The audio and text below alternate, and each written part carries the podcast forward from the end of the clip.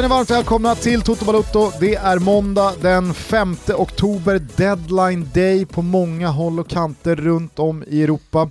Men det är också dagen efter en otroligt intensiv eh, fotbollssöndag. Det vart cupseger i Linköping. Jajamensan, och då undrar du såklart vad då? Får man räkna resultat? Eh, det är ju så att vi spelar mot ett år äldre, eller till och med då som i den här kuppen två år äldre, så då, då, är, det, då är det lite annorlunda. Då börjar tjejerna bli stora helt plötsligt. Eh, så att eh, fem segrar, 26-2 i målskillnad mot eh, två år äldre akademitjejer och sådär nere från Östergötland hade inte mycket att sätta emot va? Ja, man får lyfta på hatten och eh, gratulera. Ja. Eh, jag tror efter senaste avsnittet med Lotta Schelin så är det nog många lyssnare där ute som känner, nej, inte mer av Wilburs jävla Nej, flickgäng. Jag tror också det. Nu får vi sätta småtjejerna i utvisningsbåset ett tag. De får sitta där. Och fokusera på den riktiga bollen. Eh, tack för övrigt alla som har hört av sig med fina tillrop eh, kring eh, Schelin-avsnittet. Mm. En fin stund. Ja, jättefin. Lämnade studion med en god känsla i magen. Exakt, ni som inte har lyssnat på det, se till att lyssna på det. Eh, det är eh, bra perspektiv tycker jag också, eh, som Lotta kommer med. Som sagt, det stundar en deadline day, det är en jävla massa högprofilerade spelare som ska hitta en klubb under dagen. Det stundar dessutom en väldigt speciell landslagssamling för Jannes gul och gul och tre landskamper ska spelas, 28 pers uttagna. Eh, mer om det lite senare, men jag tänker väl att vi börjar som sig bör med ett svep. Mm, det kan vi göra. Kör! Oh my god mon Dieu, what is going on? Ja, det är nästan så man får börja svepet efter en sån här helg. I England så trodde nog de flesta att Manchester Citys poängtapp mot nykomlingarna Leeds, eller serieledande Leicesters 0-3-torsk hemma mot West Ham, skulle tillhöra omgångens mest oväntade resultat. Men så ni så blev det då icke. Tottenham och José Mourinho åkte till Old Trafford, hamnade i underläge efter 45 sekunder och lämnade med en 6-1-viktoria innanför västen. Heung-Min Son, Harry Kane, Reguilon, och Serge Aurier slet den röda djävulsfarsen i stycken och när allt var över så såg Harry Maguire ut att ha kostat 100 miljoner drachmer förra året. Och ja, jag vet att Grekland sedan typ 20 år använder euro. Det var själva skämtet. Ska Ole bara få gå nu eller? Kan värvningsracet under dagen rädda detta? Och vad fan har hänt med spelare som så sent för bara några månader sedan kunde spela fotboll? Frågorna är många. Wilbur José sitter kanske på svaren. Men när man trodde att det inte kunde bli mer uppseendeväckande än 1-6 till Spurs borta mot United så visslades Aston Villa-Liverpool igång och vi fick se ett Aston Villa med Ollie Watkins och Jack Grealish spela som i trans. Jag undrar lite försiktigt samtidigt om någon annan andra målvakt någonsin har haft ett så deppigt facit över sin speltid som Adrian nu stoltserar med i Liverpool. Men jag undrar samtidigt om inte detta var precis vad Klopps gäng behövde. Visst, det kostade en pinsam femmålsförlust mot ett beskedligt motstånd, men ur ett större perspektiv så tror jag att vi kommer att summera en liga och Champions League-höst vad det lider, där många kan peka på käftsmällen på Villa Park som en för Liverpool väldigt positiv och nyttig erfarenhet. Mer då, ja, Everton med Bond, James Rodriguez i spetsen på full pott efter fyra, Sheffield United fortfarande på noll poäng och Chelsea med sin första riktigt övertygande seger. Men Timo Werner va? Bl... Blu... Jag vill inte säga det riktigt än, även fast alla som lyssnat på Toto ett tag vet att vi varit skeptiska där. I Spanien så spikade Courtois igen butiken för Real Madrid borta mot Levante och de regerande mästarna håller succéinledande lag som Betis, Real Sociedad och Villarreal bakom sig, trots en match mindre spelad. Barcelona och Sevilla delade lika på poängen på Camp Nou och det var ett Barcelona som stundtals såg ganska oinspirerad ut, i synnerhet Antoine Griezmann. Atletico Madrid med andra raka 0-0, den här gången mot de gula ubåtarna och för första gången på hemmaplan under Diego Simeone fick man inte iväg ett enda skott på mål. Va? Mm. Den där offensiven som skulle se så bra ut. I Italien präglades Serie A-helgen av en match som aldrig blev av. Napoli tvingades stanna hemma i Neapel utan förbundets godkännande och således hade inte Juventus några motståndare under söndagskvällen. Än så länge står den gamla damen som segrare med 3-0 men här lär saker och ting hända. En bizarr situation var det i alla fall som utspelade sig i Turin. Från matcherna som spelades tar vi med oss ett grinigt och bråkigt kryss mellan Lazio och Inter. Milan utan vare sig Zlatan eller Rebic slog enkelt Spezia med 3-0 och står efter tre omgångar på 9 poäng. Atalanta gjorde fem mål på treans växel mot Cagliari och även Sassuolo fortsätter att göra sina mål och plocka sina poäng. Udinese har ännu inte gjort något, Fiorentina torskade mycket oväntat men också rättvist hemma mot Sampdoria och Crotone har redan åkt ur. Det är själva koncentratet från omgången i Italien. Hemma i Allsvenskan så slarvade Hammarby bort två poäng i ett av de tröttaste och deppigaste Stockholmsderbyn jag någonsin vilat mina ögon på. Pertan Karlsson passerade Kolbeinn Sigthorsson i AIKs interna skytteliga när Blytunga 3 bärgades i Östersund och Blåvitt stånkade hem vinsten mot Varberg i vad som ser ut att bli Kalmars olycka. För på Guldfågeln så tror jag med bestämt ha sett Nannes gamla fina SM-guldvinnande klubb ta några av sina sista chippande allsvenska andetag för den här gången.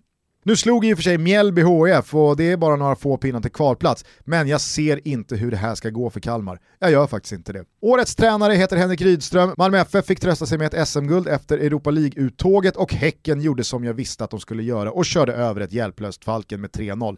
Det blev som vi sa, ding ding hos Betsson. Nu bränner vi cashen allihopa på premieobligationer och ostron. Nu kör vi Toppa!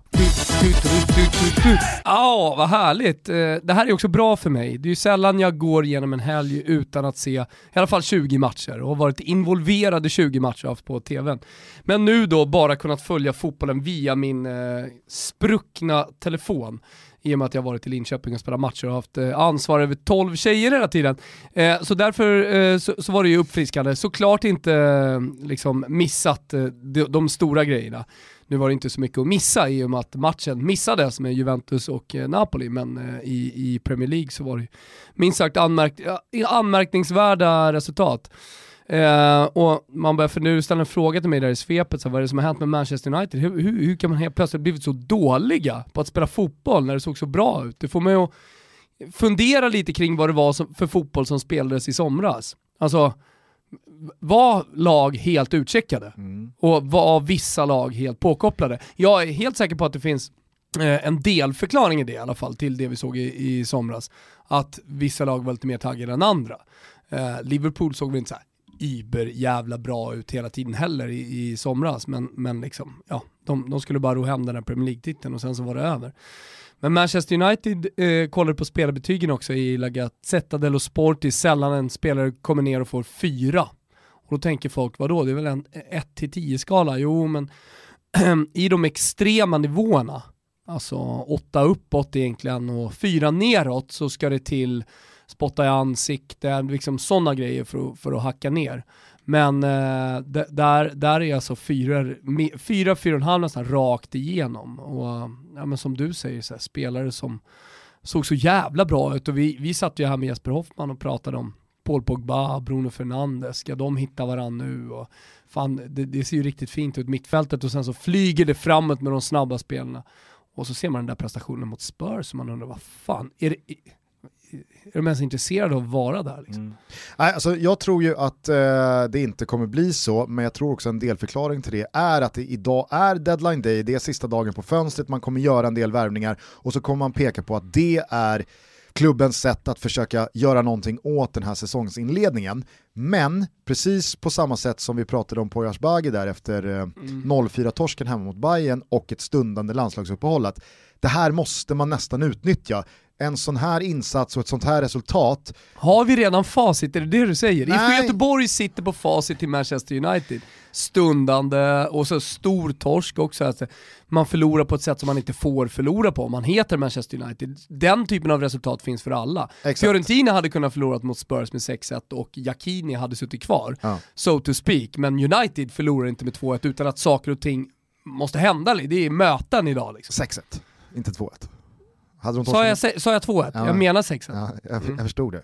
Nej men precis, och, och det, det, det, har väl aldrig varit så tydligt eh, att två lag samma dag, båda torskar med fem mål, men det liksom gör ingenting med en tränares aktier och det kanske gör allting med den andres. Alltså, som jag var inne på i svepet, jag tror att den här matchen mot Aston Villa, det tror jag kommer vara en sån här match man går tillbaka och pekar på om ett halvår eller en dryg säsong och ur Liverpool-perspektiv och säger det där var precis vad vi behövde mm, där och då.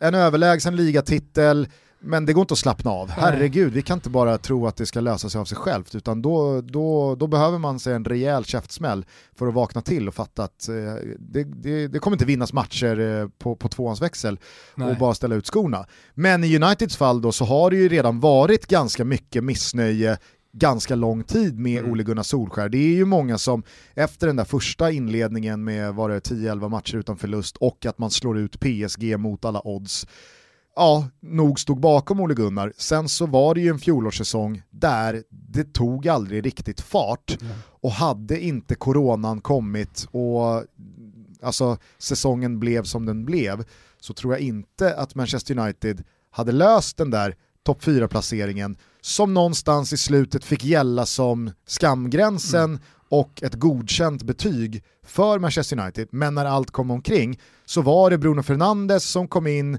och i rätt tillfälle fick en offensiv att spotta in lite mål. Men motståndet var ju beskedligt många gånger under sommaren, det var vi inne på. att mm. Är det United som är jävligt bra eller har de ett ganska tacksamt spelschema? Mm. Man löser Champions League-platsen i sista omgången men jag tycker att man blir ganska så, inte avklädda, men vi var inne på det när man åker ut mot Sevilla där, att det är en matchcoachning från Ole Gunnar Solskär och det är, det är ett sätt att spela matcherna som jag tycker att United inte direkt manifesterar att vi är solklart på väg tillbaka mot Nej. toppen. Och när man nu har inlett den här säsongen som man har gjort, ja men vad ja, men fan. Det, det, det, finns ju lite i bagaget. Alltså, vi käkade lunch med vår gode vän Fredrik Pavlidis eh, för någon vecka sedan eh, och han är stor Chelsea-supporter, förutom då att göra headlines som man gör fantastiskt varje dag, både i blogg och poddform. Eh, och i Fotbollssöndag Europa. Eh, och i Fotbollssöndag Europa numera också, ett jättebra inslag, smart av er, mycket bra. Eh, men det jag skulle säga är att då pratade vi om då Chelseas situation, alltså i förhållande med sina supportrar och förhållande till omvärlden. Och kollar man på det förhållandet så är det Chelsea-supportrarna, de tycker att eh, laget eh, liksom har tid och man ger ganska stort tålamod och man ska inte vinna nu. Samtidigt som omvärlden, de som inte är Chelsea-supportrar, ställer högre krav, vilka krav, ni förstår vad jag menar, eh, på, på Chelsea och tycker att om man liksom inte når en topplacering, om man inte är med och ändå slåss lite i den absoluta toppen, så är det ett misslyckande för Frank Lampard med tanke på hur mycket man har värvat för. Eh, jag menar bara att det, rå det råder ganska stort motsatsförhållande till hur de egna supporterna tycker och hur resten av världen ser på Chelsea. Vad det gäller Manchester United så kommer man in i den här säsongen med ett bagage. Delvis det du är inne på med Bruno Fernandes, man fick igång det, man gjorde en bra avslutning. Men också ett bagage där, där supportrarna är jävligt trötta på att laget inte är med i den absoluta toppen. Eh, och Manchester United är inte Chelsea, alltså så här, det, det, det, är fortfarande en sovande storklubb på ett eller annat sätt. Men det har också gjort satsningar på Manchester United. Bruno Fernandes är en som du nämner. Det är ett dyrt jävla lag som står där ute. Mm. Och eh, jag, ja, det, det menar jag liksom att jag tror inte att det finns så mycket tålamod, om vi nu pratar om Ole Gunnar Solskär. För, för det har varit, det har varit, vad är vi inne i, tredje vända nu där man känner att nu borde han nog få sparken. Mm. Ja, och jag menar det här har ju dessutom varit en säsongsupptakt där United vecka efter vecka efter vecka har blivit frånåkta på transfermarknaden. Nu är det deadline day idag och mycket tyder väl på att både Cavani, eh, Alex Tejes från Porto och Osman Dembélé från Barca hämtas in. Men jag läste någon som hade formulerat sig jävligt spetsigt på Twitter eh, tidigare idag att för 15 månader sedan släppte Manchester United Romelu Lukaku för 80 miljoner pund. Mm. Idag kommer ersättaren, det är en 33-åring med två millar i veckan som inte har spelat fotboll på sju månader. Mm. Alltså, Klart på, på det så har man tagit in Igalo från Kina på något märkligt mm. lån, förlängt det, det lånet när han ändå inte verkar användas i någonting annat Nej. än typ ligacupen mot Brightons U23.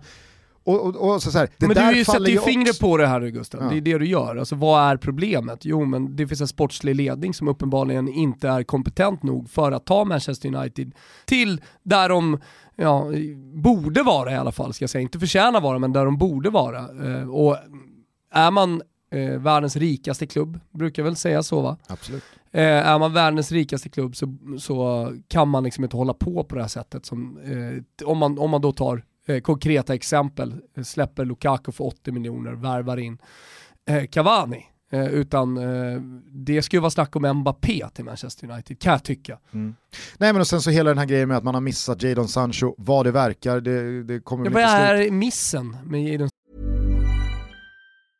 Want flexibility? Take yoga. Want flexibility with your health insurance? Check out United Healthcare Insurance Plans. Underwritten by Golden Rule Insurance Company, they offer flexible, budget friendly medical, dental, and vision coverage that may be right for you. More at uh1.com. As a person with a very deep voice, I'm hired all the time for advertising campaigns. But a deep voice doesn't sell B2B And advertising on the wrong platform doesn't sell B2B either. That's why, if you're a B2B marketer, you should use LinkedIn ads. LinkedIn has the targeting capabilities to help you reach the world's largest professional audience. That's right, over 70 million decision makers all in one place. All the big wigs, then medium wigs, also small wigs who are on the path to becoming big wigs. Okay, that's enough about wigs. LinkedIn ads allows you to focus on getting your B2B message to the right people. So, does that mean you should use ads on LinkedIn instead of hiring me, the man with the deepest voice in the world? Yes. Yes, it does. Get started today and see why LinkedIn is the place to be to be. We'll even give you a $100 credit on your next campaign. Go to linkedin.com slash results to claim your credit. That's linkedin.com slash results. Terms and conditions apply. Nej men att det, alltså, Man har inte värvat honom. Nej men precis på samma sätt som att det diffade lite pengar mellan Liverpool och Bayern München i fallet Thiago, så slutade ju det med att Thiago signade för Liverpool Mm. och kom dit.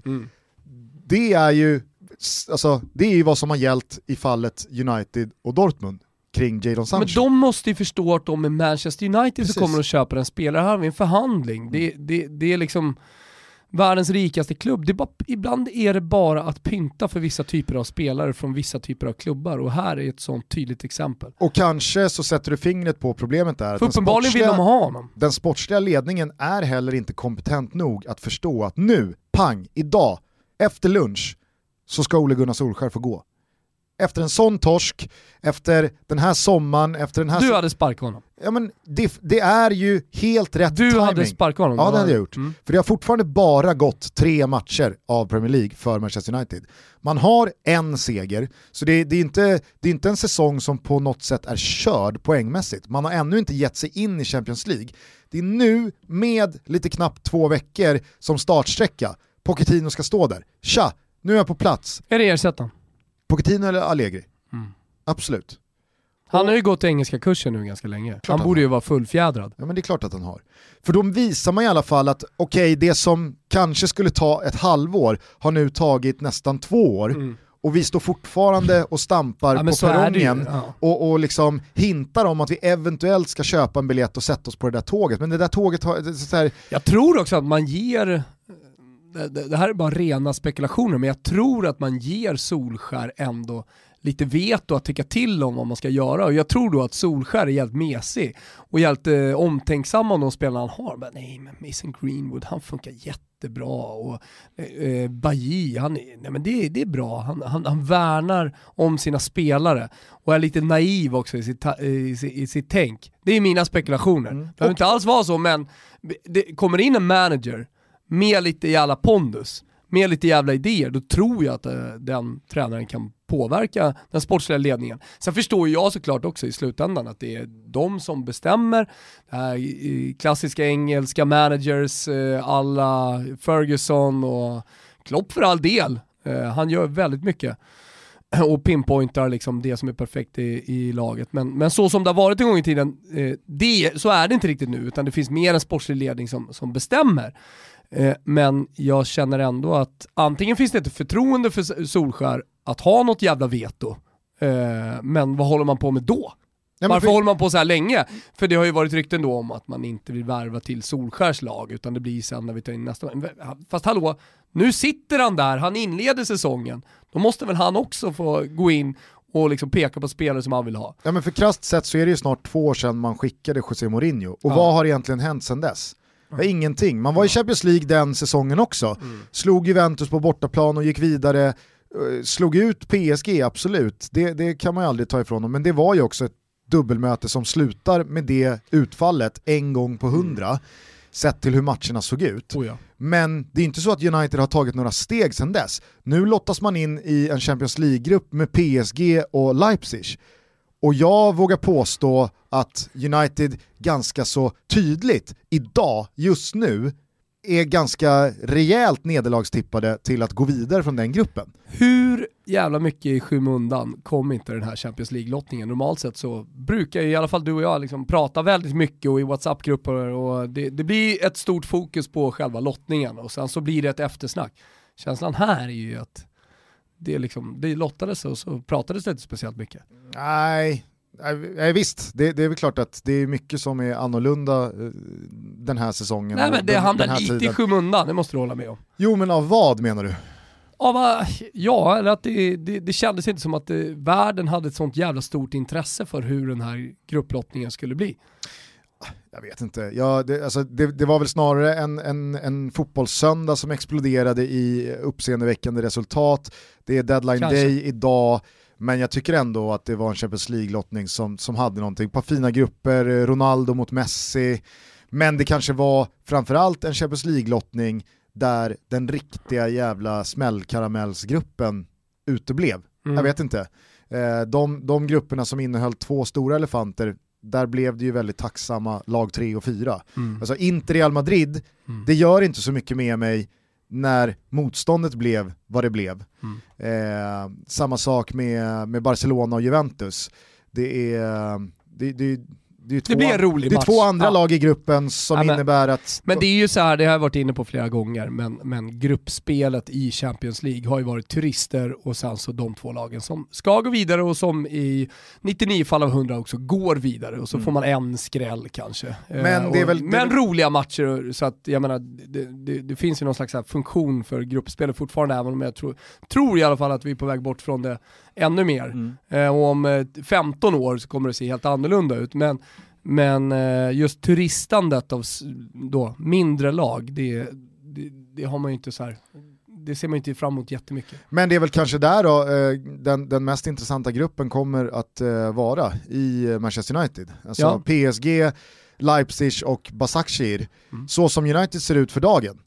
De, de laget åker ju inte Mm. till Turkiet och, och städar av Basakshir och, och, och tar tre pinnar. Nej. Så illa ser det ju ut. Och sen kan folk säga hur mycket som helst eh, kring att, eh, ja men eh, vad fan, ge, ge, det, ge det några matcher. Ole Gunnar var ju ute själv och sa vi behöver fyra, fem matcher. Ja, fast är, är det två matcher som behövs här? Jag, jag tycker inte det ser ut som det. Det är ett lag som fullständigt håller på att gå sönder. Som håller på att ramla ihop totalt.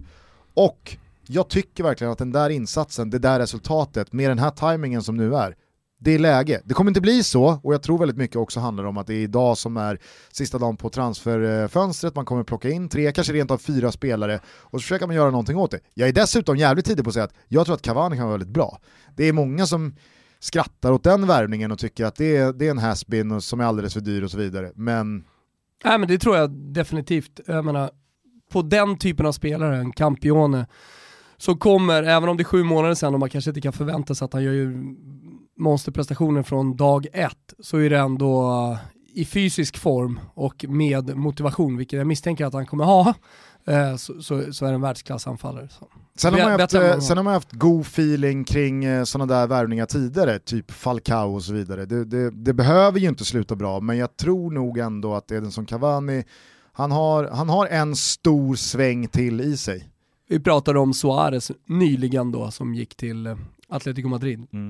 Eh, även om det inte blev några mål, inte en skott på mål Nej. mot, eh, eller i helgen, eh, så var det ändå en bra inledning.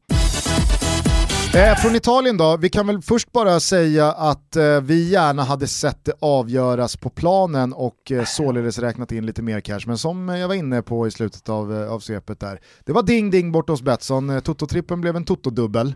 Häcken... Eh, Jag ska säga att det är inte ofta som spelbolag gör på det här sättet, så att, det, det, det hör inte till vanligheten, så helt schysst av Betsson att betala ut dubben. Mycket, mycket hedersamt av Betsson och roligt för alla som ryggar. Ja, ja absolut. Nu sätter vi ytterligare en. Så att, eh, sen i somras, när vi startar, om man kollar på våra långtider nu också, så har vi bra utdelning på våra spel. Mm. Det är roligt att eh, knåpa ihop de här. Nu är det landslagsvecka och då Ja, finns det alltid lite, finns det alltid lite godis kring, kring Sverige och så vidare. Mm. Så haka på oss under veckan här. Eh, Det är bara att hänga med via våra konton eller Betssons konton på sociala medier. Kom nu ihåg att spela ansvarsfullt och att du måste vara över 18 år för att spela. Behöver du stöd så finns stödlinjen.se. Det jag skulle komma till var i alla fall det som säkert många av er inte har missat, nämligen att matchen mellan Juventus och Napoli aldrig blev av. En extremt eh, rörig helg var det. Vi skulle ju jobba med den här matchen igår i Fotbollssöndag Europa och sen så under lördagen då så började det ju eh, kommuniceras att Napoli minsann inte får lämna Neapel för att lokala hälsomyndigheter säger nej och där handlar det då om eh, andra vågen av eh, coronasmittspridningen där eh, Kampanien, alltså regionen där eh, Neapel ligger, är en av de eh, regionerna där det är mest smittspridning här nu i den här andra vågen. Så därför så är det ganska så tajta restriktioner. Men eftersom Napoli bara hade två bekräftade smittade spelare Mm. så uppnådde man inte gränsen på 10 som man i och för sig kan tycka är ganska hög. 10 smittade. Vänta, vad ska vi sätta det där då? Bara att få ihop ett lag. Ja. En Ja, avbytare Det är typ så, har man 13 Ja. spelare så, så då ska man köra. Det var inte som när Parma hade 287 kontrakterade spelare en gång i tiden. Nu Just det. var de visserligen på utlån och så, men det var ändå en rolig siffra. Verkligen. Men Mervan Selik bland annat var en av de 287 va? Ja, löken jag också. Löken var också där ja. ja. Hur som helst så har då förbundet satt 10 spelare som någon slags gräns. Är man under den, då ska det spelas en match. För att spelschemat är så komprimerat och packat att det finns inte tid att hålla på och ställa in och skjuta upp matcher. Genoa hade ju upp mot 20 personer i sin organisation, därav så mycket 10 till slut? plus spelare, så att de fick ju eh, lov att skjuta upp sin match. Men förbundet menade på, nej vi är ledsna, Napoli måste spela den här matchen. Ja. Men Napoli får inte lämna Neapel, Juventus måste då förhålla sig till att matchen ska spelas. Men, eh, Så de förbereder sig, skickar ut elvor, eh, är på Juventus Stadium, värmer upp. Gjorde de det? Tror de, att de de, var de var på plats. plats ombytt och Ja, klara ombytt i alla och allting. Ja, exakt. Eh, Så, så det var ju bizarra scener. och en Alla visste som- att Napoli satt kvar i Ja, Neapel. ja, det finns inget, det finns inget lag, men, men Juventus vill ju ha den här segern om det nu ska tilldömas, det ska överklagas av eh, Napoli och så vidare. Så vill ju Juventus ha eh, allting rent så att säga in i förhandlingar, eller förhandlingar, men om, om, de, om de nu kan tilldömas en seger, de vill ju ha de poängen. Liksom. Ja, och det har de ju gjort. Alltså, Juventus eh, fick 3-0 och en eh, vinst eh, på walkover. Men det, det, det lär väl inte sluta här. Dock så tror ju du att utfallet kommer sluta så här. Ja, det är jag ganska övertygad om. Det är ju sällan den här typen av eh, överklagelser liksom, når hela vägen fram och ändrar på ett beslut. Eh, så att eh, i, och med, i och med också att Juventus hanterar den här matchen, den här situationen på det sättet som de gör, är jag också ganska övertygad om att det, det kommer bestå. Det Och, och när... fotbollsförbundet eh, och, och ligaförbundet har ju varit väldigt tydliga här också. Att Mm. det, det, det är Napoli som gör fel. Samtidigt lite magstarkt när Agnelli är ute och säger att Juventus förhåller sig alltid till reglerna och vi... vi... Vad menar du då Gustav? Vad menar du egentligen? Exakt. Jag tror att många vet vad jag, vad jag menar. Jag vet också att många är, är medvetna om den eh, position Juventus har inom den italienska fotbollen i relation till alla andra. Och på, på, på, på den tonen så kan jag ändå tycka lite synd om Juventus att de hamnar i en position som, som är liksom inte, det är inte deras fel att de hamnat där. Nej. Jag sa det i sändningen igår kväll de, de kan egentligen inte få skit här. de kan ju det och då får de. Eh, för att det är Juventus. Men jag sa det i sändningen igår, jag tror att hade det här varit en match eh, mellan eh, Sassuolo eller Bologna och Napoli och Napoli hade tvingats kvar i Neapel som de blev och eh, 3-0 vid skrivbordet hade gått till Bologna eller Sassuolo så hade ju inte det spett på någon jävla liksom vilka svin de är i Sassuolo, och Mm. vilka, vilken fruktansvärt osympatisk klubb, att de inte liksom eh, eh, går ut och också säger att nej men vi kan inte spela den här matchen, vi, vi är inne i det här tillsammans och måste få bukt eh, på, på den här pandemin ihop och så vidare. Utan då hade det snarare varit så här, ah, ot, synd för Sassuolo eller Bologna att det var de som hamnade i kläm här. Men nu är det Juventus och då blir det som att stora, stygga, jävla osympatiska Juve kör över alla en gång till här. Mm. Ja, men, eh, det, det är klart, det är klart det är annorlunda beroende på vilka lag som är, som är med. Man, man värderar på olika sätt eh, och det också, hade också heller inte blivit första sidestoff. Det hade inte blivit lika mycket snack om det eh, som, som det är nu när det liksom hamnar på ettorna i, nere i Italien och, och högt upp också eh, i internationell media. Men hur högt ska vi hålla det här då vad gäller italienskt organisatoriskt liksom, Fiasko. hjärnblödningsfiasko? Nej men eh, egentligen, så, kan- egentligen kan jag tycka att man bara väntar på det. Jag tycker att de har hanterat pandemin ändå på ett bra sätt. Det har varit ganska lite polemik eh, under eh, hela lockdown-tiden och under sommarfotbollen och eh, under den här säsongsupptakten. Ja det känns som att alla har dragit åt samma håll Ja också, men det, det har verkligen gjort det. Tills nu då, så nu kanske allting ändras. Så att, eh, vi får väl se, nu kanske ett lag står över varje omgång även i Serie A. Ja. Nej, men för det som är fascinerande med den här situationen tycker jag, det är hur man hamnar i ett läge där förbundet går emot hälsomyndigheter. Ja, och dessutom så har vi en klubb här i Napoli som inte ens kommunicerar. Alltså så det blir så jävla svårt att veta vad fan, vad tycker, kommer ni eller kommer ni inte? Hur, hur resonerar ni? Alltså det var extremt lite kommunikation från Neapel. Ja, ja. Jag skulle sett eh, producent för Fotbollssöndag Europa igår, Olle Junell Lindberg, Ja. frågade ett par gånger, någon officiell kommunikation till mig och Victor Ja, ja. Blomé? Nej, Nej. inte ett Nej, ljud. det. Flexibility is great. That's why there's yoga. Flexibility for your insurance coverage is great too. That's why there's United Healthcare Insurance Plans. Underwritten by Golden Rule Insurance Company, United Healthcare Insurance Plans offer flexible, budget friendly coverage for medical, vision, dental, and more. One of these plans may be right for you if you're, say, between jobs, coming off your parents' plan, turning a side hustle into a full hustle, or even missed open enrollment. Want more flexibility? Find out more about United Healthcare Insurance Plans at uh1.com. Och jag tror också att det finns en rädsla i det där. Alltså så här, nu får vi inte säga för mycket, då är det bättre att vi inte säger någonting alls. Men, men det var ju bara att man gick och väntade på att det skulle komma någonting och så här, officiellt och matchen ställs in och så här. Istället så var det så här, Juve-spelare som anlände till stadion och man visste då att eh, Nea- Napoli var kvar. Nej, men och att förbundet inte går ut och kommunicerar någonting de heller. Nej, de är också medvetna om att Napoli sitter kvar i Neapel och den här matchen inte kommer spelas. Alltså de måste ju gå ut och kommunicera, alltså jag, jag, jag, det, det, det, det kändes bara så här, vad fan, nu, Men- nu är vi tillbaka igen i det röriga, organisatoriskt kaosiga Italien där det känns bara som att är det, är det, är det High Chaparral på 80-talet igen? Här? Eller vad fan, har vi inte Det- kommit längre? Den lilla imaginära orgasmen man fick var ju när man såg Juventus startelva. Eh, och, och såg framför sig Dybben och, och Ronaldo spela med understöd av Kulusevski. Alltså, det, det, det är ju ett tremannaanfall som man som svensk liksom, har gått och dreglat efter. Mm. Att Men- med en av världens bästa fotbollsspelare genom alla tider, dessutom Dybala som man bara gillar. Det finns väl ingen som inte gillar Dybala? Nej. Han är snygg, han är bra, han gör sköna grejer, han lobbar och klackar och skjuter hårt med vänstern och är snabb och skön liksom i sitt rörelsemönster. Eh, och så har vi då Kulusevski på det som en extra kry- krydda. Men Det- väldigt mycket talar väl eh, för att det under dagen eh, blir så att eh, Federico Chiesa ansluter till Juventus. Douglas Costa lämnar för Bayern München. Vad Fio gör där i svallvågorna, det vågar jag inte, vågar jag inte lova. Men eh, Chiesa in i det här Juventus, om vi ser till konkurrens med Kulusevski, så är väl du och jag ganska överens om att man hellre hade sett Kulusevski konkurrera med Douglas Costa på de positioner som finns att tillgå för Kulusevski än Chiesa. För det blir lite annat hierarkiskt läge och ett kanske annorlunda tryck på Chiesa från supportrar och övriga Italien när han hamnar i Juventus. Ja, nej men absolut. Alltså, vi kan inte undgå den nya uppkomna konkurrenssituationen för Kulusevski, för det är en konkurrenssituation om den positionen. Sen är de två stycken väldigt olika spelare. Kulusevski är mycket mer användbar än vad Chiesa är och kan spela bakom ett anfall, han kan också spela på en kant.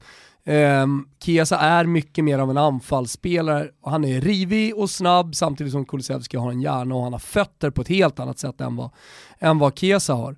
Eh, med det sagt, det finns nog många olika konstellationer av det här Juventus och kollar man bara på Gazzetta dello Sports eh, då, eh, spekulationer om hur de kan starta så är ju Kulusevski där i, i, bakom Kesa i en startelva, men han är också i en startelva med, med Chiesa och utan Chiesa. Eh, så jag tror alldeles oavsett eh, liksom hur, hur eh, Pirlo tänker så här in, initialt så kommer det bli väldigt mycket speltid för Kulusevski. Men Sen- alldeles oavsett hur Pirlo tänker så är ju Chiesa en spelare som supportrar, media och övrigt löst folk kommer undra varför spelar inte han betydligt mer än vad man gör med Douglas Costa?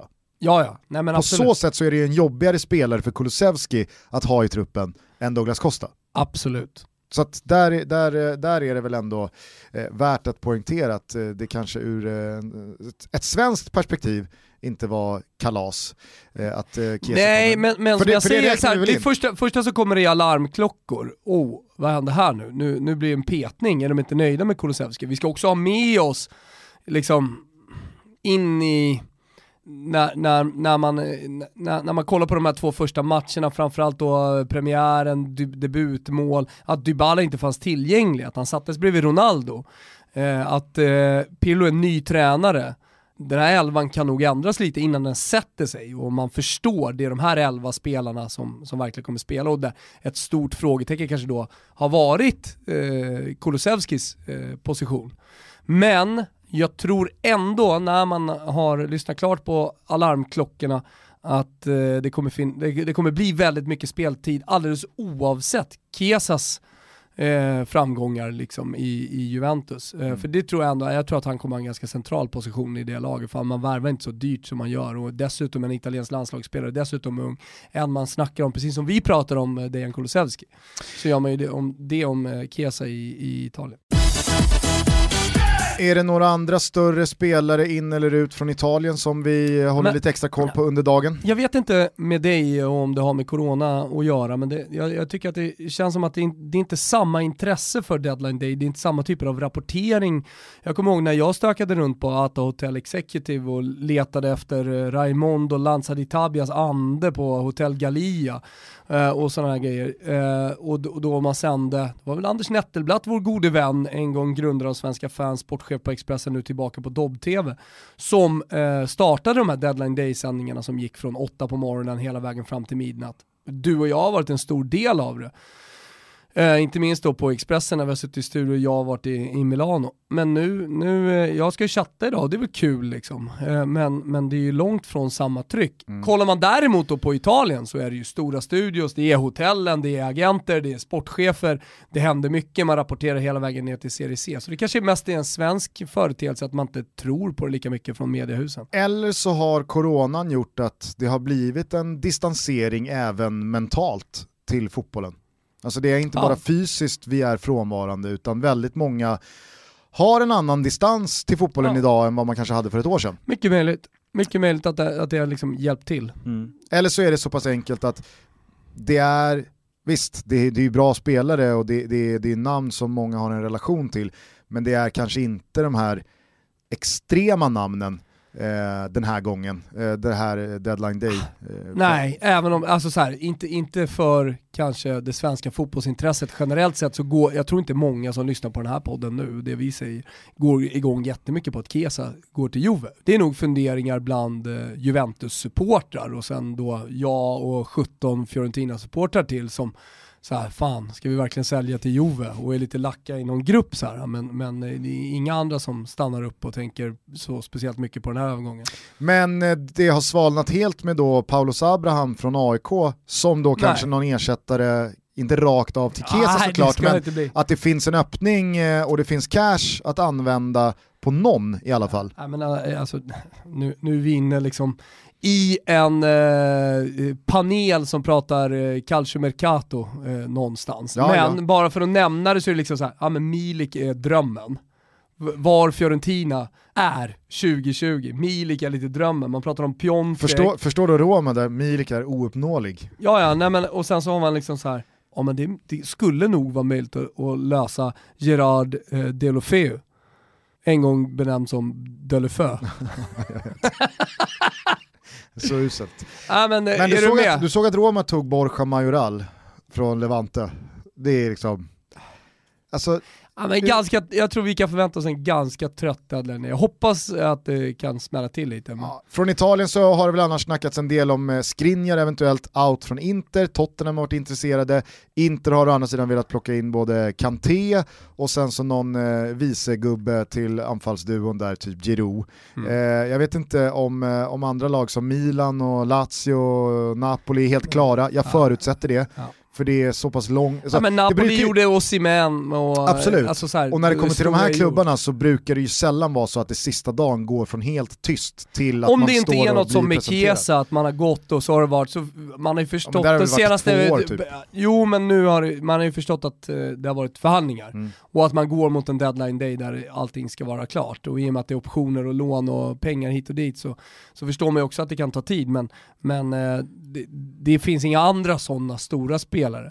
Och i, i England så pratade vi om uh, Manchester Uniteds mm. ändå lilla dödsryck Cavani, vad ska han vara, dödsryck? Men ni förstår vad jag menar. Att Igalo, man... det är ett dödsryck. Ja det är nog fan ett dödsryck. Cavani, alltså. kanske inte ett dödsryck. Vad ska vi göra? Nej, det, Men tycker, jag, det, det med... tycker jag till och med är en bra värvning alltså. Mm. Och eh, jag, jag, räknar in Alex Tejes från Porto, vänsterback. Eh, jag tror dessutom att jag vågar räkna in... Är det in... dödsstöten för eh, Shaw då eller? Det är väl rimligt att anta. Ja men det är också lite som Ole Gunnar Solskjaer, ska vi fortsätta med Luke Shaw eller ska vi, ska vi gå vidare från honom? Mm. Man har haft några På tal om dödsryck, såg du vem som blev månadens spelare i Manchester United i september? Chatten på Expressen och på Aftonbladet, det, det är liksom dödsrycket för eh, Deadline Day-sändningarna. Dödsrycket i Manchester United, det, det var Igalo. Ja. Men eh, symboliskt nog, om vi pratar om deppig symbolik, månadens spelare i Manchester United september 2020 blev Juan Mata. Jaha. det är så här. Alltså. Eh, nej men eh, jag tror faktiskt också att eh, United nog kan landa Osman Dembélé från Barcelona han satt ju kvar på bänken hela matchen igår mellan Barcelona och Sevilla i överdragsjackan som att han verkligen inte skulle in och spela. Det har dessutom eh, rapporterats ganska samstämmigt här nu att Barcelona är överens med Lyon om Memphis Depay och ska han in både vad gäller plats och lön så måste ju Barca släppa någon av de spelarna Exakt. som eh, inte verkar vara en del av Komans offensiva planer. Mm. Och där är ju Dembélé det allra tydligaste namnet som då både behöver speltid men också som ska bort ur lönemässig mm. synpunkt. Kanske en bra värvning för United, jag är inte helt såld på Osman Dembélé, alltså jag, jag, jag, jag, jag, är, jag är skeptisk Det behöver man där. inte vara, men det skulle också kunna vara en eh riktigt, riktigt toppspelare in till en toppklubb. Ja. Sen alltså, började det, det Alltså jag är med dig, jag är också lite skeptisk. Mm. Men, eh, ja. Det när, var... någon, när någon har presterat och när en klubb som Barcelona har varit intresserade, så till den milda grad att man köper honom för så mycket pengar, då finns det ju något där. Mm. Det är mm. inte liksom scoutögon och tränarögon och sportchefsögon som är helt blinda.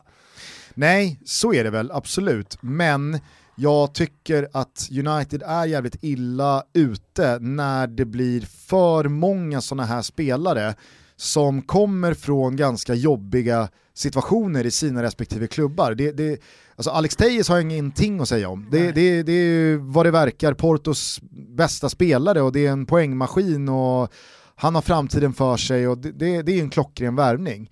Men att plocka in Cavani, Dembélé, det började pratas om James Madison igår, han var inte med i Leicesters trupp mot, uh, mot West Ham.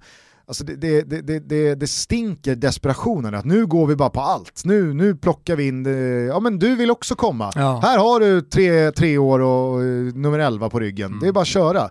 Alltså jag vet inte fan alltså, men om Depay då går till Barcelona, det började dessutom pratas ganska mycket om Hossem Aouar från Lyon till Real Madrid, varför de nu behöver en central mittfältare det är inte riktigt där skon klämmer i Real Madrids truppbygge. Då pekar väl ganska mycket då på att Lyon kanske siktar in sig på Quaison då, och det vore ju faktiskt ett jävligt roligt val. Eh, det är läge att lämna Mainz, Mm. Lyon bevisade det här, ju... Det här vi eh, pratar om nu, nu går jag igång på deadline day. Fan när vi spelar in det här är det imorgon eh, måndag. Det, börjar hända. Det, det, det, finns ju saker som kan hända som verkligen få, fångar ens intresse Gustav. Man gillar ju också dominot. Alltså, ja, ja, herregud. Om den här spelaren går dit, då måste den här klubben agera på det här och vem blir vinnaren i det och vad blir det för Faxar lösning? ska gå varma och någon kör av vägen, helvete. Nu är det deadline day Gusten, härligt! Ja, nej, men jag, jag känner också Bra att det, snack, det, det, kan ändå bli ganska roligt. Ja. Chatten drar igång 18.30, var med då. Kommer svara på alla frågor. Delar du min magkänsla att eh, det nu är över för Kalmar? Mm, ja, eh, det gör jag verkligen. Alltså, en förlust mot Malmö FF, det ska väl inte liksom påverka en magkänsla för att det är en förlust som man ändå hade förväntat sig, nästan så att spelarna själva hade förväntat sig det. Eh, och det är väl i så fall det då som är problemet. Men det är inte så att man känner att, nej men på spanskt vis så kraftsamlade Kalmar här och börjar fokusera på en match eh, om en vecka istället. Det är den matchen som är den viktiga, utan det är så här dåliga Kalmar är. Mm. Eh, och jag tycker att det finns betydligt mer stoff i Olof Mellbergs eh, Helsingborg. Och på tal om symbolik, eh, för det tycker jag ändå vi har pratat om eh, i det här avsnittet. Så, deppig så, symbolik. Så, ja men deppig symbolik så tycker jag att det fanns någon slags kraftig, bra symbolik i att Olof Mellberg tar ett rött kort. Han vill det här för fan och liksom han reagerar, han eh, sänder signaler på något sätt med det där röda kortet. Det var inte första röda kortet han tog i år eller? Nej, det var inte första röda kortet, men du förstår vad jag menar. Ja, alltså det, det, här, här, finns det någonting. Det, Kalmar hade ju behövt ett rött på Nanne mm. för att väcka till liv någonting som har varit dött ett tag. Men eh, är det kanske inte så att den där både fysiska och mentala distanseringen från fotbollen verkligen har spilt över här nu på allsvenskan och det upplopp jag som... Tror det. Alltså, jag ser ett Malmö FF som har 6-7 längder kvar ner till Häcken och sen så är det en klunga där bakom mm. som, jag vet inte, de springer något annat travlopp. Ja visst. Och det, det... Kör sin egen lilla verksamhet. Exakt, och jag menar det, det, det är tomt på läktarna, det är en usel tid som håller på att göras, mm. eh, det, är, det är inte speciellt mycket pengar omsatt, det är ingen jackpot i luften, det är, liksom, det, det är gråmulet och det är regn, och i botten, ja, vilka kommer sist? Ja, det blir Falkenberg och Kalmar. Det, för nu, alltså så här, både AIK och IFK Göteborg, de gör vad som krävs, Jaja. det är inte vackert, men Rolle Nilsson kommer in och kanske inte målar någon speciellt vacker tavla. Men poängen tas och man, eh, man håller distansen ner till, eh, till eh, understrecket. AIK lika så. du är inne på att Helsingborg är i alla fall det laget som visar att de vill någonting. Men det som höll, det som höll på att bli en sån här infernaliskt spännande bottenstrid för att några av de största klubbarna och drakarna är inblandade håller ju nu på att bli ett stort, ah, ja nästan. Det är, det är och sen så är... ser man Djurgården och Hammarby mm. som post extremt misslyckade Europaäventyr, eh, möter varandra i ett derby där, eh, det, det, det, var så, det var så jag, vill, jag vill inte det säga själlöst och hjärtlöst, utan, utan det var bara känd, det var svalt. Ja, det, det var så någonting... jävla svalt igår att se det där. Mm. Och Elfsborg checkar ut från guldstriden, Häcken hade chansen jo, men, problemet... men, så fort de har sumpat, ja men då kommer en stabil 3-0. Men, det, det... men, men, problemet är ju, eller problemet, men, men jag tycker att det beskriver, situationen beskriver allsvenskan ganska bra. Att eh, om inte storlagen är med och tampas med varandra, du nämner AIK och IFK Göteborg som eh, var i en bottenstrid men som har tagit sig ur från den, ja men då är inte den intressant såklart för Helsingborg-supportrar och Kalmar FF-supportrar, missförstå mig inte, men, men det, man checkar ut lite från den. Det är, det är alldeles för få som är intresserade av just det. Och sen så när allsvenskan är avgjord, Malmö vinner, Eh, storklubbarna, ja Norrköping också till viss del även om de är med i Europaracet men Stockholmsklubbarna, de har hamnat någonstans mittemellan. Då, då dör allsvenskan, Ä även om det inte är coronasäsong. Nu är det dessutom inga, ingen publik på läktarna. Mm. Folk, folk är trötta på den här skiten. Ja, känslan är att vi har en extremt ja, exempel, sval och deppig allsvensk ja, men till exempel den så, åh fan nu blir det snart 500 pers för att gå in, alltså, vi har knappt pratat om det, folk pratar knappt om det. Folk vill inte gå. Så 500 pers, åh ja, jag fick gå! Alltså, jag tror folk kommer säga, ja men de lottade mig, ta min biljett. Ja. Jag skiter i det här liksom. Nej, men det, det, det, alltså, det känns AIK kommer inte ens alla eh, eller, utnyttja möjligheten att ta in supportrar. Alla eller ingen mentaliteten kanske snarare spelar över åt ingen va? Exakt. Exakt. vi skippar det här va? Vi, vi, och det, det, är skittråkigt såklart men... men ja det är, det är supertrist så att vi är verkligheten. där och nu raljerar vi lite såklart. Ja. Men det finns någonting i det du säger att ja, jag delar nog din känsla av att betydligt fler än vad man tror skulle nog, om de fick frågan efter landslagsuppehållet, att alltså, nu när det är, är det sju, åtta matcher kvar, för väldigt många lag så handlar det inte om någonting, att gå då på en allsvensk match med 499 andra och, och, och, se den här fotbollen, se de här matcherna, det finns inte speciellt mycket när kvar. Jag tror ganska många fler än vad man tror hade sagt, nej, gå du om du är sugen, ta min biljett. Ja innan vi stänger ner butiken för den här gången så tycker jag att vi ska dela ut en gulasch och en schnitzel. Gud vad kul. Jag vill även, vad, vad finns det för eh, österrikiska liksom, mellanrätter eller eh, tillbehör som alltid står på bordet? Eh, Du har ju Schweinsbraten till exempel, ja tillbehör som Ja, står eller till bordet. någonting. Nej, men du har ju den lansera- klara- för, för att jag ska dela ut en, en fascinerande utmärkelse. Eh, det är liksom varken en gulasch eller en schnitzel, Nej. utan det är något annat. Så jag tänker, vad, vad har vi för andra österrikiska grejer som kan dyka, dyka upp Ja, på det där men bordet, som är alltså, typiskt du- österrikiskt? Ja men kan du inte dela ut en gösse då?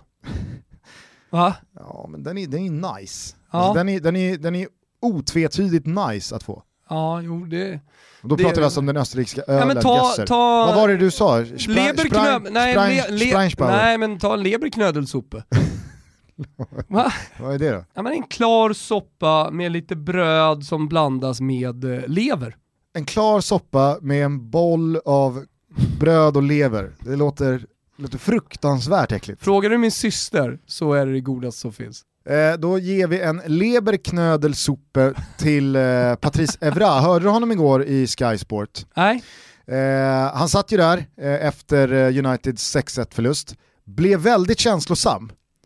Och eh, så säger han eh, en rad grejer i sin utläggning här på två minuter, vi ska inte lyssna på hela. Vi kommer börja med att lyssna eh, på vad han säger då, då han liksom brasklappar för att han vill bryta sitt kontrakt med Sky. För att nu blir det filterlöst. Eh, för att jag kan inte sitta här och, och säga det jag nu ska säga. Jag måste bryta mitt kontrakt. Då får han in att Alexis Sanchez sa samma sak till sin agent efter första träningen med Manchester United. Jag vill bryta mitt kontrakt med Manchester Det har liksom, nu har inte det fått speciellt mycket uppmärksamhet efter det Evra sa, utan man har fokuserat på det Evra sa. Men jag tänkte bara så här, vad, vad sa han sa du? Eh, Alexis Sanchez ska alltså ha efter första träningen med United sagt, bryt. Bryt mitt kontrakt. Det bara nämner han liksom eh, okommenterat. Men sen då så säger han i slutet att jag är, jag, jag är ingen förespråkare av våld och det är väl kanske därför han först puffar upp att jag vill bryta mitt kontrakt med Sky så jag kan säga det här. Men han säger då, jag, jag är ingen förespråkare av våld, fast men, han sparkar folk. men eh, många i det här laget behöver sig ett rejält kokstryk. You know, Alexis Sanchez made a comment. He said when he signed from United at his first training session, he asked his agent to to end up his contract. That's why I'm going to ask to Sky. I really would like to end up my contract with Sky because it's my second game. I'm a positive person, and I never want to talk about United because when you tell the truth, it can hurt. And I'm passionate, and I love my club. But uh, you know, I know you have to have some filter when you talk on TV. I, I don't. let's- let's you need, like, I, I don't promote the violence, but many people need like some good slap right now in this club. Så jag, du förstår vad jag menar, det är ingen gulasch eller schnitzel. för Det är en jag- leberknödelsuppe, det var det Det är en klar soppa med en boll bröd i. Ja. Det är vad fan det här är, så får man lägga sin egen värdering i vad det är. Eh, gulasch i alla fall till britterna, till de engelska landslagsmännen som inte verkar kunna använda fler än kanske tre hjärnceller. Du har sett vad som har hänt? Berätta. Men det är ju ganska tydliga restriktioner vad gäller coronan i eh, England, Storbritannien. Eh, Jag tror att man har begränsat max antal personer som får vistas i, i eh, en grupp till sex eh, senaste veckorna. Eh, Alla kommer säkert ihåg också vad som hände för en månad sedan med eh, Phil Foden och Mason Greenwood när de tog upp några isländska tjejer på hotellrummet under landslagssamlingen, bröt karantänreglerna och blev hemskickade och det var liksom super. Då tänker man så här, ja men inte kan väl några andra engelska landslagsmän trampa i klaveret samlingen efter? Jo Visst tänker man så? Ja, så tänker man. Eller har det gått varvet runt och man tänker, visst fan kommer tre nya landslagsspelare trampa i klaveret, för det är så de verkar fungera. Ja, det är väl det. Jag vet inte vad de sysslar med, men nu har alltså Ben Chilwell, Jadon Sancho och Tammy Abraham, de har haft födelsedagsfest. Ja. De har haft födelsedagsfest för Tammy Abraham tror jag och eh, överskridit maxantalet och så har det här givetvis läckt ut. Så att nu sitter ju Gareth Southgate med nästa trojka spelare som har gjort bort sig. Ja. Alltså du vet, det, det, jag, jag förstår inte. Men, jag förstår men inte hur de hamnar grejen här vecka efter vecka. eh, var väl, eh, alltså så här, man sa det inte men det var så här, ja du har hållit på med tjejer. Fast det var en coronasituation och sen hade han väl brytit också kanske mot någon regel att uh, du tar inte upp tjej på rummet under landslagssamling, alltså oavsett om det är corona eller inte. Alltså jag menar bara att alltså den situationen var väl lite värre för han överskridit någon gräns mer än vad eh, Sancho och gänget har gjort. Du menar moraliskt eller? Nej jag menar eh, att man inte får ta upp tjejer på rummet under en landslagssamling. Ah, jag, jag uppfattade det aldrig som att det var eh, övertrampet. Det, det får man väl inte göra? Det får man väl? Och det är bara, jaha. Jag tror fan inte det. Tror du inte? Nej. Ah, okay. Jag tror inte att fruarna är liksom välkomna till eh, park och, och bara för liksom lustig och, och ett par gubbar är sugna på att knulla. Alltså, nej men ärligt, jag tror inte de får. Det är förbjudet ha fruar på, på rummen. Jag vet fan i alla fall, jag uppfattade det som att... Får en ju att tänka på 90, eh, alltså VM 1990, ja. när det var sexförbud. Just det. Eller det var inte sexförbud, de flög över, hur var det nu? Var det 94 det blev sexförbud? Roy Hodgson hade väl sexförbud i Nej Schweiz? men vänta här nu, 94. Glenn Hysén och ligan 90. De, eh, det, det, det finns ju någonting här, jag minns det. Sen så under VM 94 så vart det sexförbud, var det inte så? Ja, ja. Ni kan allt om sexförbud, ni som lyssnar på, på den här podden. Jag vet att det finns en, en, eh, en historia med att Olle Nordin förmodligen förbjöd dem att umgås med sina fruar. Eller så var det tvärtom. Kanske. Ja.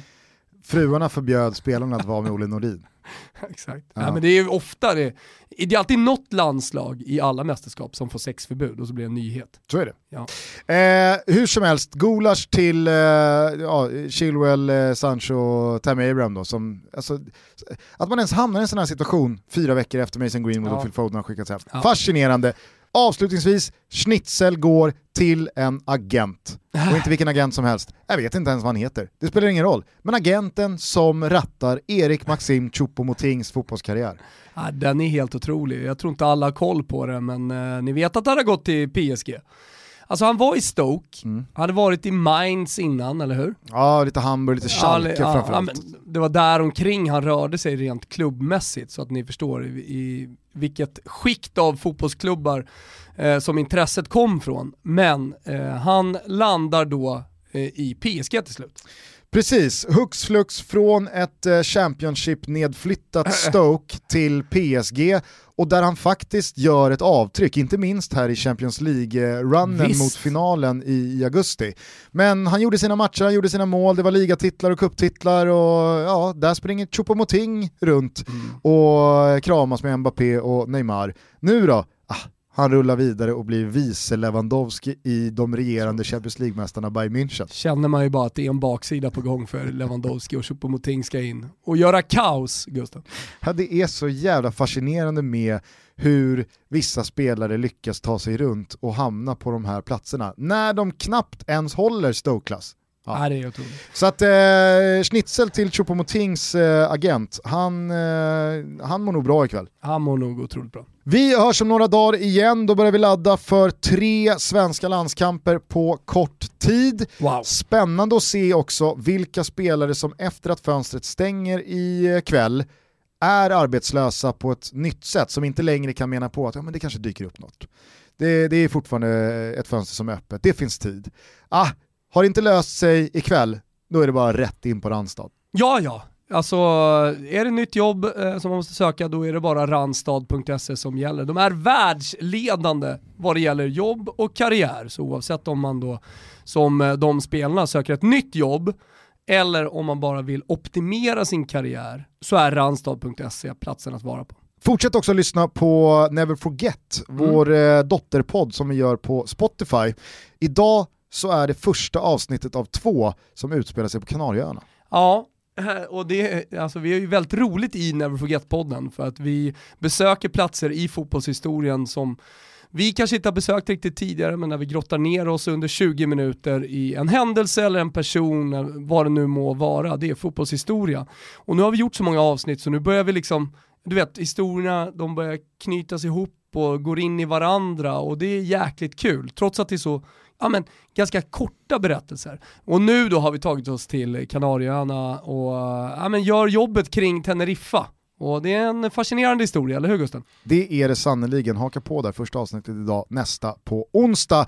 Vi hörs snart igen, ta hand om varandra där ute. Följ Deadline Day på alla tänkbara sätt. Varför inte Dobbs eh, livesändning ikväll eller då chatten med Thomas 18.30 på Expressen så missar ni ingenting. Det ska bli jävligt spännande att se de här eh, stora namnen ifall det blir av, ifall Quaison landar Lyon, ifall United tar sitt förnuft till fånga och bara fattar att det är dags att sparka Ole Gunnar, plocka in Pochettino eller Allegri här nu och ta det steget som inte har tagits här nu på två år. Jag känner puls Gusten, jag känner puls för deadline day. Gör det bara.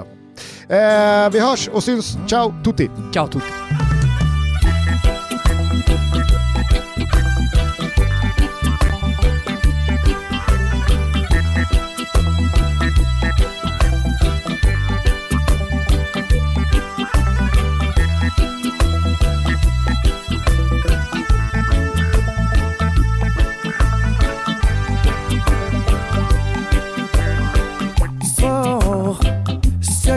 You can tell? Heaven from hell, blue skies from pain. Can you tell a green field?